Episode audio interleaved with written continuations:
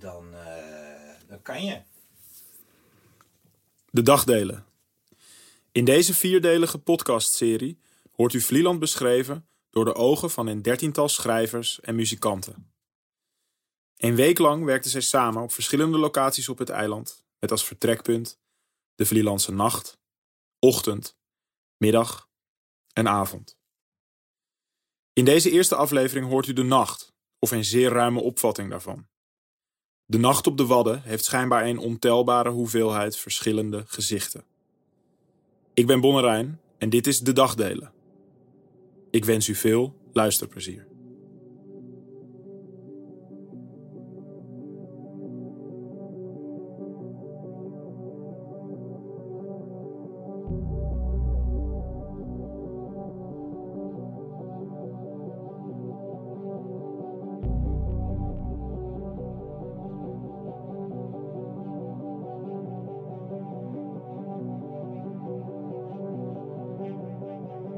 Het is nacht. Je had niet op moeten blijven. Je had een wijd shirt aan moeten trekken om in te slapen. Je had al lang melatonine moeten aanmaken. Je hoort de zee nog steeds, alleen nu veel harder en vaker. Je moest nog iemand bellen. Daar is het te laat voor. Misschien moet je het opschrijven. Misschien moet je uit bed om het allemaal op te schrijven. Onder je raam scharrelt de man met de kliko. Hij zegt je naam. Je trekt de dekens verder over je hoofd. Maar de kliko mag niet meer weg.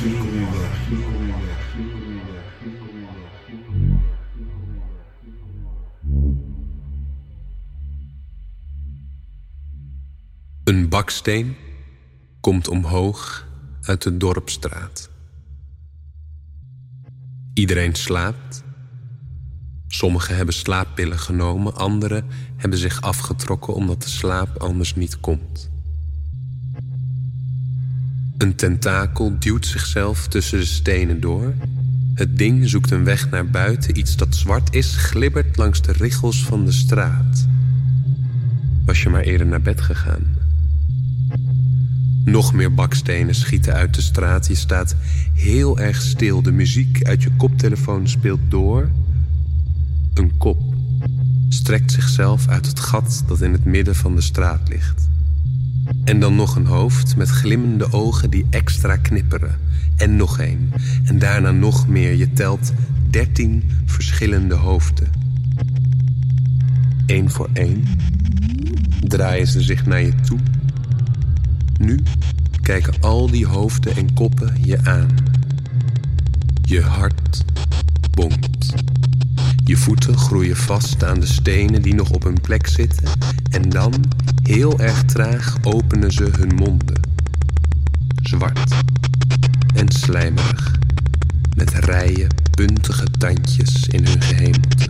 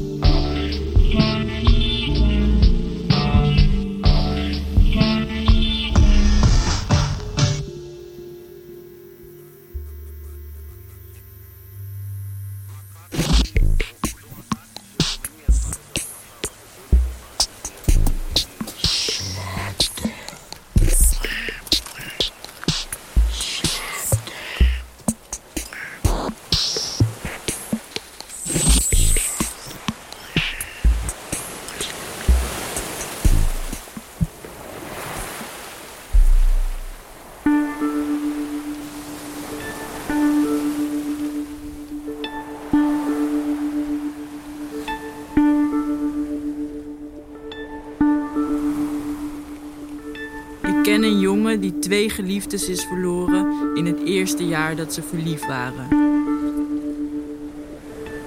Eentje verdween onder een muur van sneeuw bij de afdaling. De andere werd tijdens het snorkelen gebeten door een giftige kwal. Tweemaal werd het stoffelijk overschot teruggevlogen naar de familie.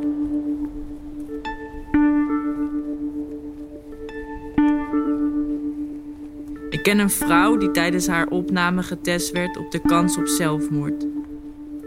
Ze scoorde een 3 op 10.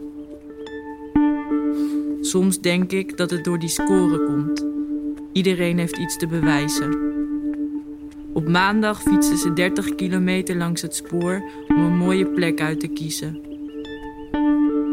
Ze zwaaide naar iedereen die ze zag. Dinsdag fietste ze naar het bos, naar een plek waar de zon ochtends langs de kruinen van de bomen het spoor beschijnt. In het volle licht, haar man smeerde net een boterham, is ze gaan liggen wachten. Ze gaf zichzelf terug aan een plek waar ze vandaan kwam. Dat is tenminste wat ze zelf geloofde. In de fietstassen van haar fiets, die keurig naast het spoor geparkeerd stond, zat een briefje. Daar stond geen sorry op. Geen ik hou van je, maar de tekst. Absoluut geen rode rouwkaart. Soms als de zon ondergaat en de hemel rood kleurt, denk ik aan die rouwkaart. En of spijt hetzelfde is als wraak.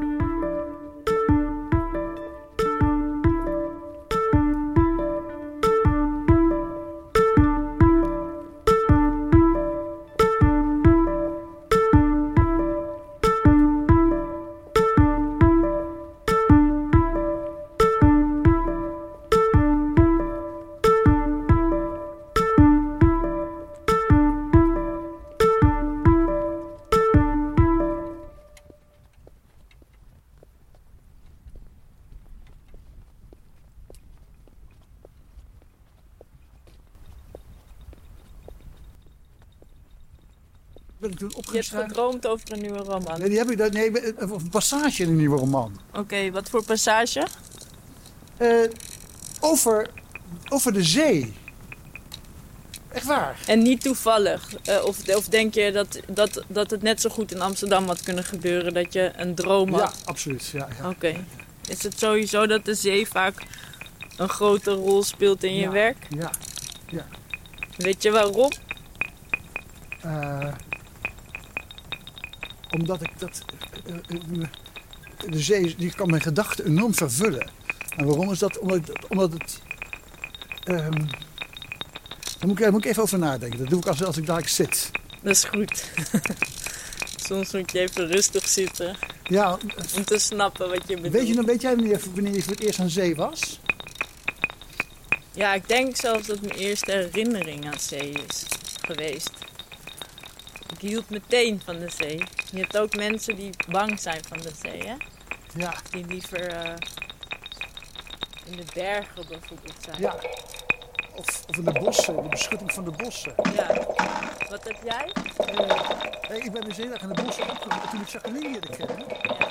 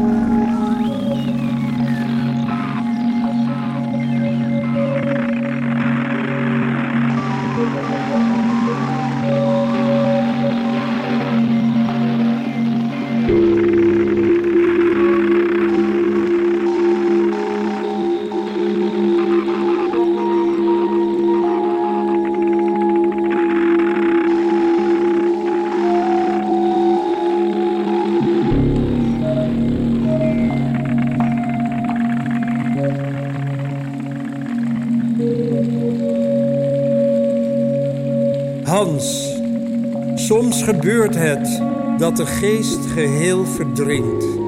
In vol gewelde ogen of twee lippen. Klaar voor een teug uit diepe bronnen van een dood die verfrissing die ze nog niet snappen hoeven. Soms gebeurt het dan alleen dat engelenvoeten treden in de geest als koningen vermomd in herdersjassen vanwege de liefdadigheid. Soms gebeurt het dat een woord niet meer is dan een mond, zachtjes gedrukt tegen een engelenhand.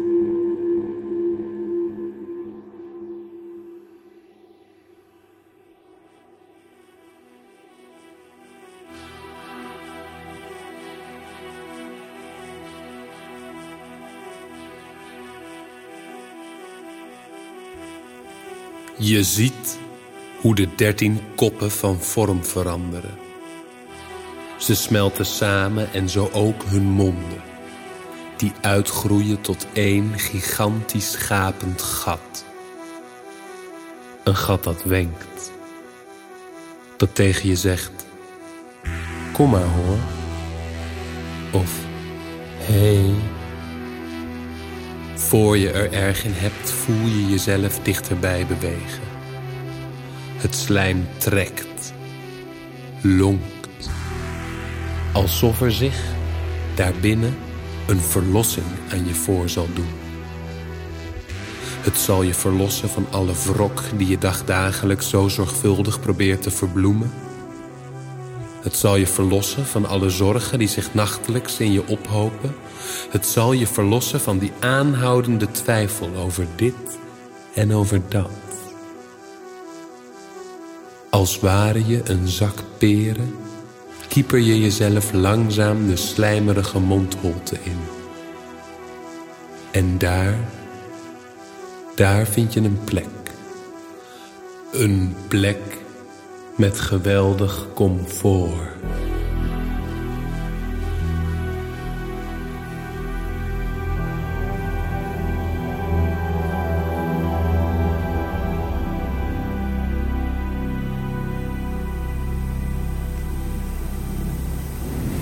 Daarachter, daarachter is de lutine vergaan. De lutine, het goudschip.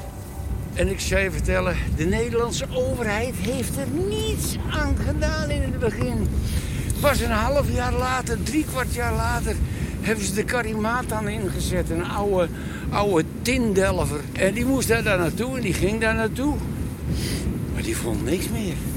Maar wat denk je? In die tussentijd uit Urk en eh, uit Katwijk. Daar waren allemaal vissers. Die zijn daar constant aan het vissen geweest. En ik zou je wel vertellen, twee jaar later hadden Urk en Katwijk de meest moderne vissersvloot van heel West-Europa. Dat zal ik je vertellen, ja, ja, ja. Maar die is daar gezonken. Er zijn nu nog wel eens van die figuren die varen dan met een bootje met kijkmateriaal Oh ja. en denken dat ze dan wat terugzien nog. Nou jongens, er zou best nog een blokje eh, goud ergens in, de, in het zand zitten. Maar neem van mij maar aan, alles is verdwenen. hoor.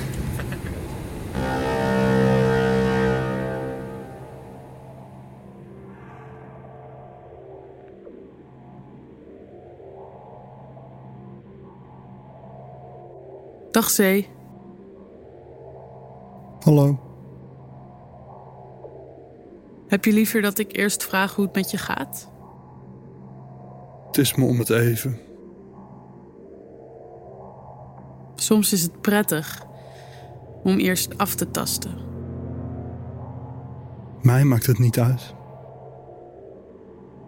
Omdat we elkaar nog niet kennen. Is dat zo? Misschien ken ik jou heel lang. Van de andere zeeën, zeg maar. Daar zwom ik in als kind en nu nog steeds. Water, naast water, naast nog veel meer water. Wil je dat ik je als geheel aanspreek? Of juist liever als afzonderlijke zee? Het doet er denk ik niet zo toe.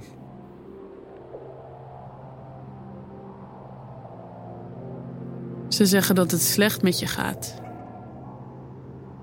Wie zegt dat? Verschillende mensen. Dat is lullig. Ik denk niet dat ze het zo bedoelen. Wat bedoelen ze dan? Dat het vroeger beter ging. Ik voel me prima. De zeepieren raken op.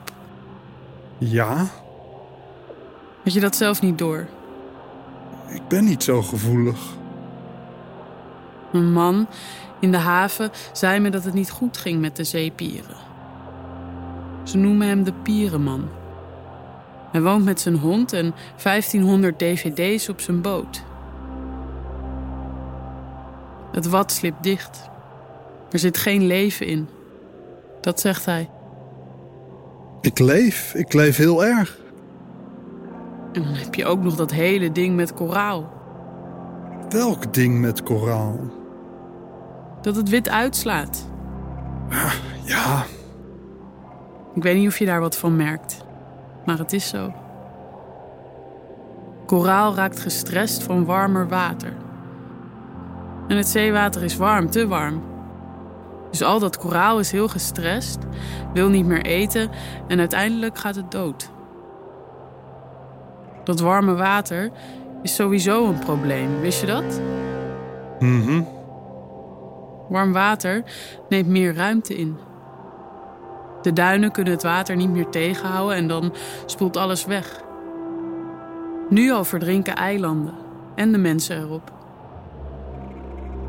Kiribati is een eiland ver weg. Dat ga je binnenkort overspoelen. En West-Vlieland is al verdronken. Een heel dorp ligt op jouw bodem. Tussen het zand en het slip. Vind je dat niet erg? Nee, En dat van Kiribati dan? Dat die mensen nergens heen kunnen. wat jij niet begrijpt, is dat ik niks erg vind. Het maakt me niet uit dat mijn bodem niet sappig genoeg is voor de pieren, of dat mijn koraal gestrest is. Het interesseert me niet hoeveel walvissen er in me zwemmen. Dat is wat jullie niet willen begrijpen. Het is niet erg voor mij, het is erg voor jullie.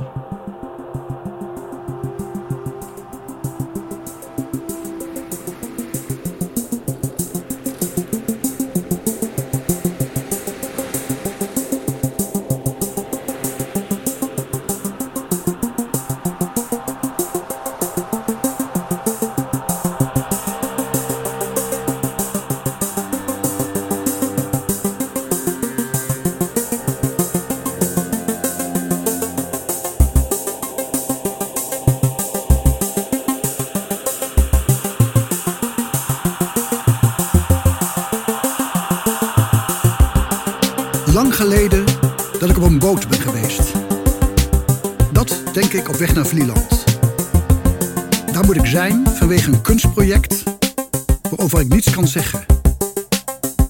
Niet omdat ik het niet wil, maar omdat ik het niet kan. Klonk goed toen ik op de uitnodiging inging. Schrijvers, muzici en geluidskunstenaars maken van alles over een eiland. Wat het moet worden, is me nog niet helemaal duidelijk. Maar dat heb ik vaak met dingen die nog moeten worden. Waarbij ik bijvoorbeeld aan een verbouwing denk. Je geeft je over aan iets zonder te weten wat het is.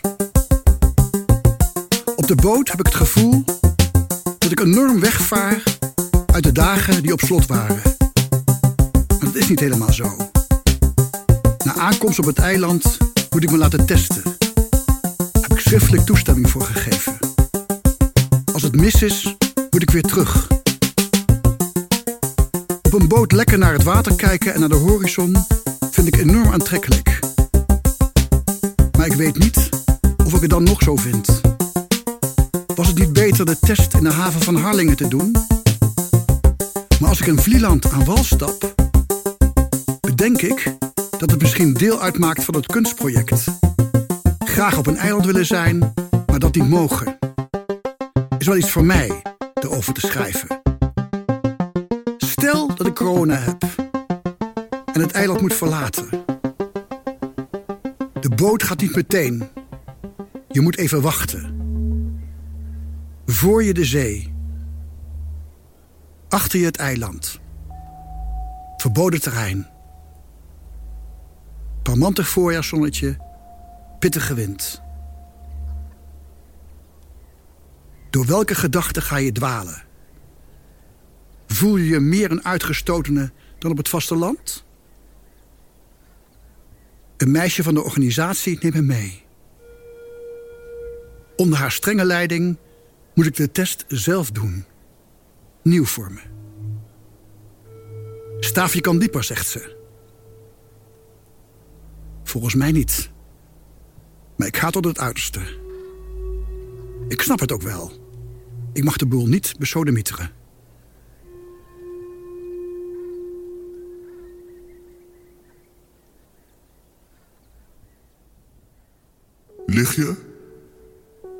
We hebben het liefst dat je ligt. Misschien knalt er iets. Dat mag je uittrekken. We willen dat je op je gemak bent.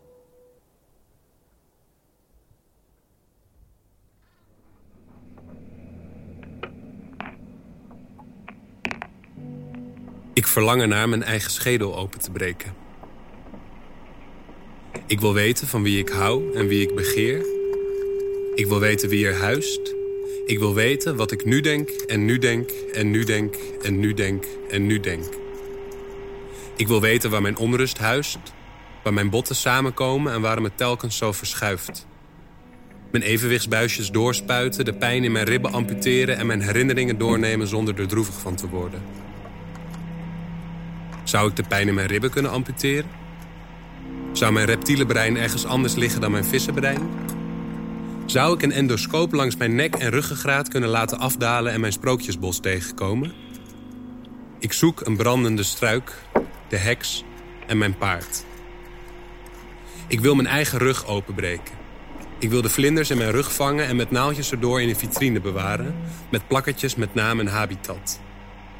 Dit is de vlinder van mijn angst om een klap te krijgen. Dit is mijn lactose-intolerante vlinder. En dit is de vlinder van mijn celebrity crush. Hij vertoont nog stuiptrekkingen, maar hij heeft al een naald door zijn rug. Er zijn ook rupsen. Die bewegen zich trager door mijn rug en buik en ze zijn hariger. Ze zullen zich straks in een kokon aan mijn onderste ribben en mild hechten... om na een aantal weken te ontpoppen en ook rond te gaan fladderen. Drie keer zo groot als ze nu zijn. Ik haal ze weg. Ik wil een lege rug en een lege buik. Mijn bekken wil ik ook openbreken. Ik zoek een dronken kompas dat het noorden kwijt is en mijn bekken bestuurt. Het is ongeveer zo groot als een kindervuist en spint vaak dagenlang tegen de klok in op zoek naar iets beters. Ook hier huizen rupsjes in. Zou ik mijn benen open kunnen breken en in de bottige grift kunnen lezen waarom ze staan blijven? Waarom ze me nog dragen, waarom ze niet bij mijn kniegewricht dubbelklappen, de knieschijf naar binnen als een paardenbeen, de knieholte opengescheurd. Zou het mogelijk zijn, na alles opengetrokken en gedocumenteerd te hebben, mijn voeten onder de kapstok te leggen en ontdaan van alles in bed te gaan liggen? Mijn lichaam ligt op de tafel uitgespreid. Alles van groot naar klein. Het sprookjesbos, de vlinders en de schedel. Mijn voeten onder de kapstok. Ik lig naakt in bed, zonder lichaam en wacht op de slaap. Mijn kamer is netjes opgeruimd. Mijn vlinders ben ik kwijt. Mijn sprookjesbos ook. Mijn endoscoop ligt afgewassen in het uitruiprek. Ik weeg niets meer. Mijn brein ligt in stukken op een schaaltje met keukenpapier. Ik weeg helemaal niets meer en zak weg in een matras. Mijn lakens tot mijn kin opgetrokken en mijn kussens in het midden. Mijn oren horen naast zich op de tafel. Omdat alles van groot naar klein ligt, liggen ze vrij dicht naast elkaar. Mijn ogen dichtvallen. Mijn ruggengraat ontspant zich ratelend. De vlinders verstijven door de naald door hun rug en alles op tafel valt in een diepe slaap. En ik, die gewichtloos in bed lig, luister naar het trage ademen van mijn longen en het ritmisch samentrekken van mijn hart. Ik weeg niks en blijf rustig wachten. Ik heb me van mezelf ontdaan en heb begrepen hoe het zit. Ik hoef niks meer te doen, het staat keurig genoteerd in een schriftje... en ook hoe alles morgen weer in elkaar te zetten. Mijn oren horen mijn traanbuizen. Vanwege hun grootte liggen ze tussen mijn evenwichtsbuisjes en mijn vingers in. Leeglopen en zachtjes druppelend valt het vocht van de tafel op de grond... en ik, ik weeg niks en ik wacht. Mijn lichaam heb ik afgelegd. Ik kan het morgen pas weer opruimen. De druppels stikken in een ritme en niet syncopisch... dus stelt het me gerust en word ik er rustig van. Ik tel de druppels tot de laatste valt en ik hoef niet meer te wachten. Ook ik val nu in slaap. En mijn slaap spreidt zich als een ruwe paardendeken over de tafel... en houdt alles veilig, droog en warm. Ik droom dat mijn slaap zich als een knapzak om mijn lichaam heen krult... en klaar is om ermee op reis te gaan. Ik steek er een stok in en loop, wat ouderwets... zo'n knapzak met mijn lichaam erin op mijn rug, de wereld in. Ik zie een doorboorde vlinder die zich uit de knapzak heeft weten te wurmen wegvliegen... en vraag me af welke het is.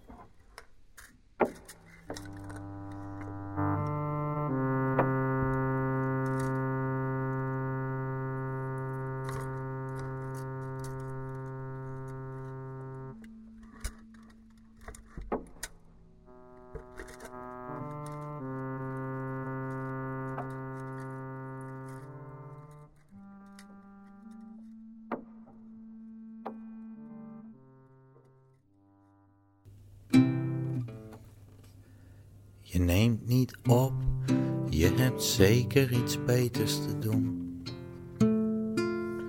Je hebt vast een fantastische tijd. Je neemt niet op, je hebt zeker iets beters te doen. En je denkt vast niet aan mij. Je telefoon dat is een Nokia. Heb ik op laden gewijs nog opgelet? Het is een Nokia, ik weet het bijna zeker. Maar wel een met een crappy batterij. En het is oké. Ik vermaak me wel met niemand om me heen. Misschien een fazant en een fles spa.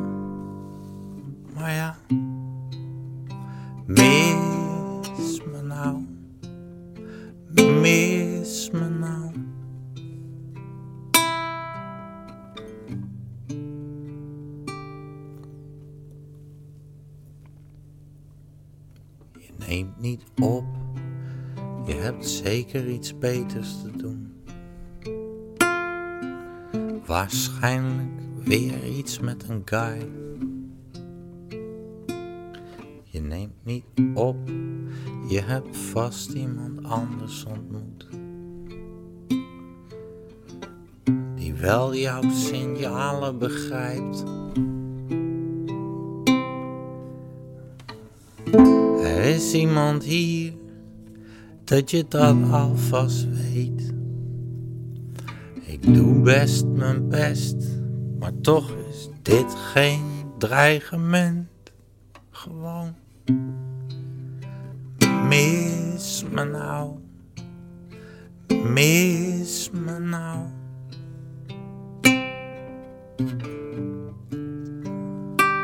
Mag ook hoor.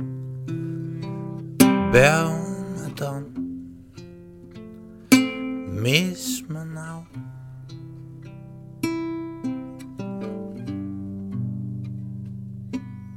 Mis me nou.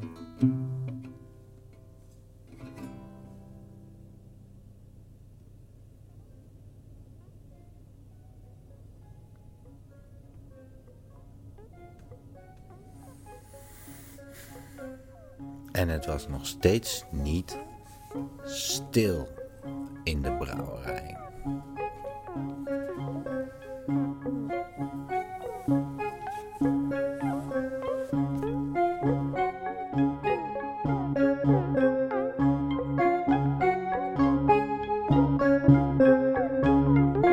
In deze eerste aflevering van de Dagdelen hoorde u teksten en verhalen van Alma Matthijssen, Maartje Wortel, Kim David Bots, Thomas Verbocht, Boris de Klerk en Maarten van de Kamp. U hoorde een gedicht van James Merrill, vertaald en voorgedragen door Karel Alfena in de Nicolaaskerk te Vlieland. U hoorde de stem van Jan Houter, ook wel Jan van Vlieland, historicus van het eiland en een geweldig verhalenverteller. Dit alles werd vergezeld door muziek en audio van Kees Koenders, Boris de Klerk, Maarten van de Kamp en Kim David Bots. De dagdelen is het resultaat van een week die in april 2021 op Vlieland werd doorgebracht. Het werd geïnitieerd door Galerie de Schans, Bonnerijn en Alma Matthijssen en werd mogelijk gemaakt door Into the Great Wide Open en Stichting Literaire Activiteiten Amsterdam. Ik ben Bonnerijn. Bedankt voor het luisteren.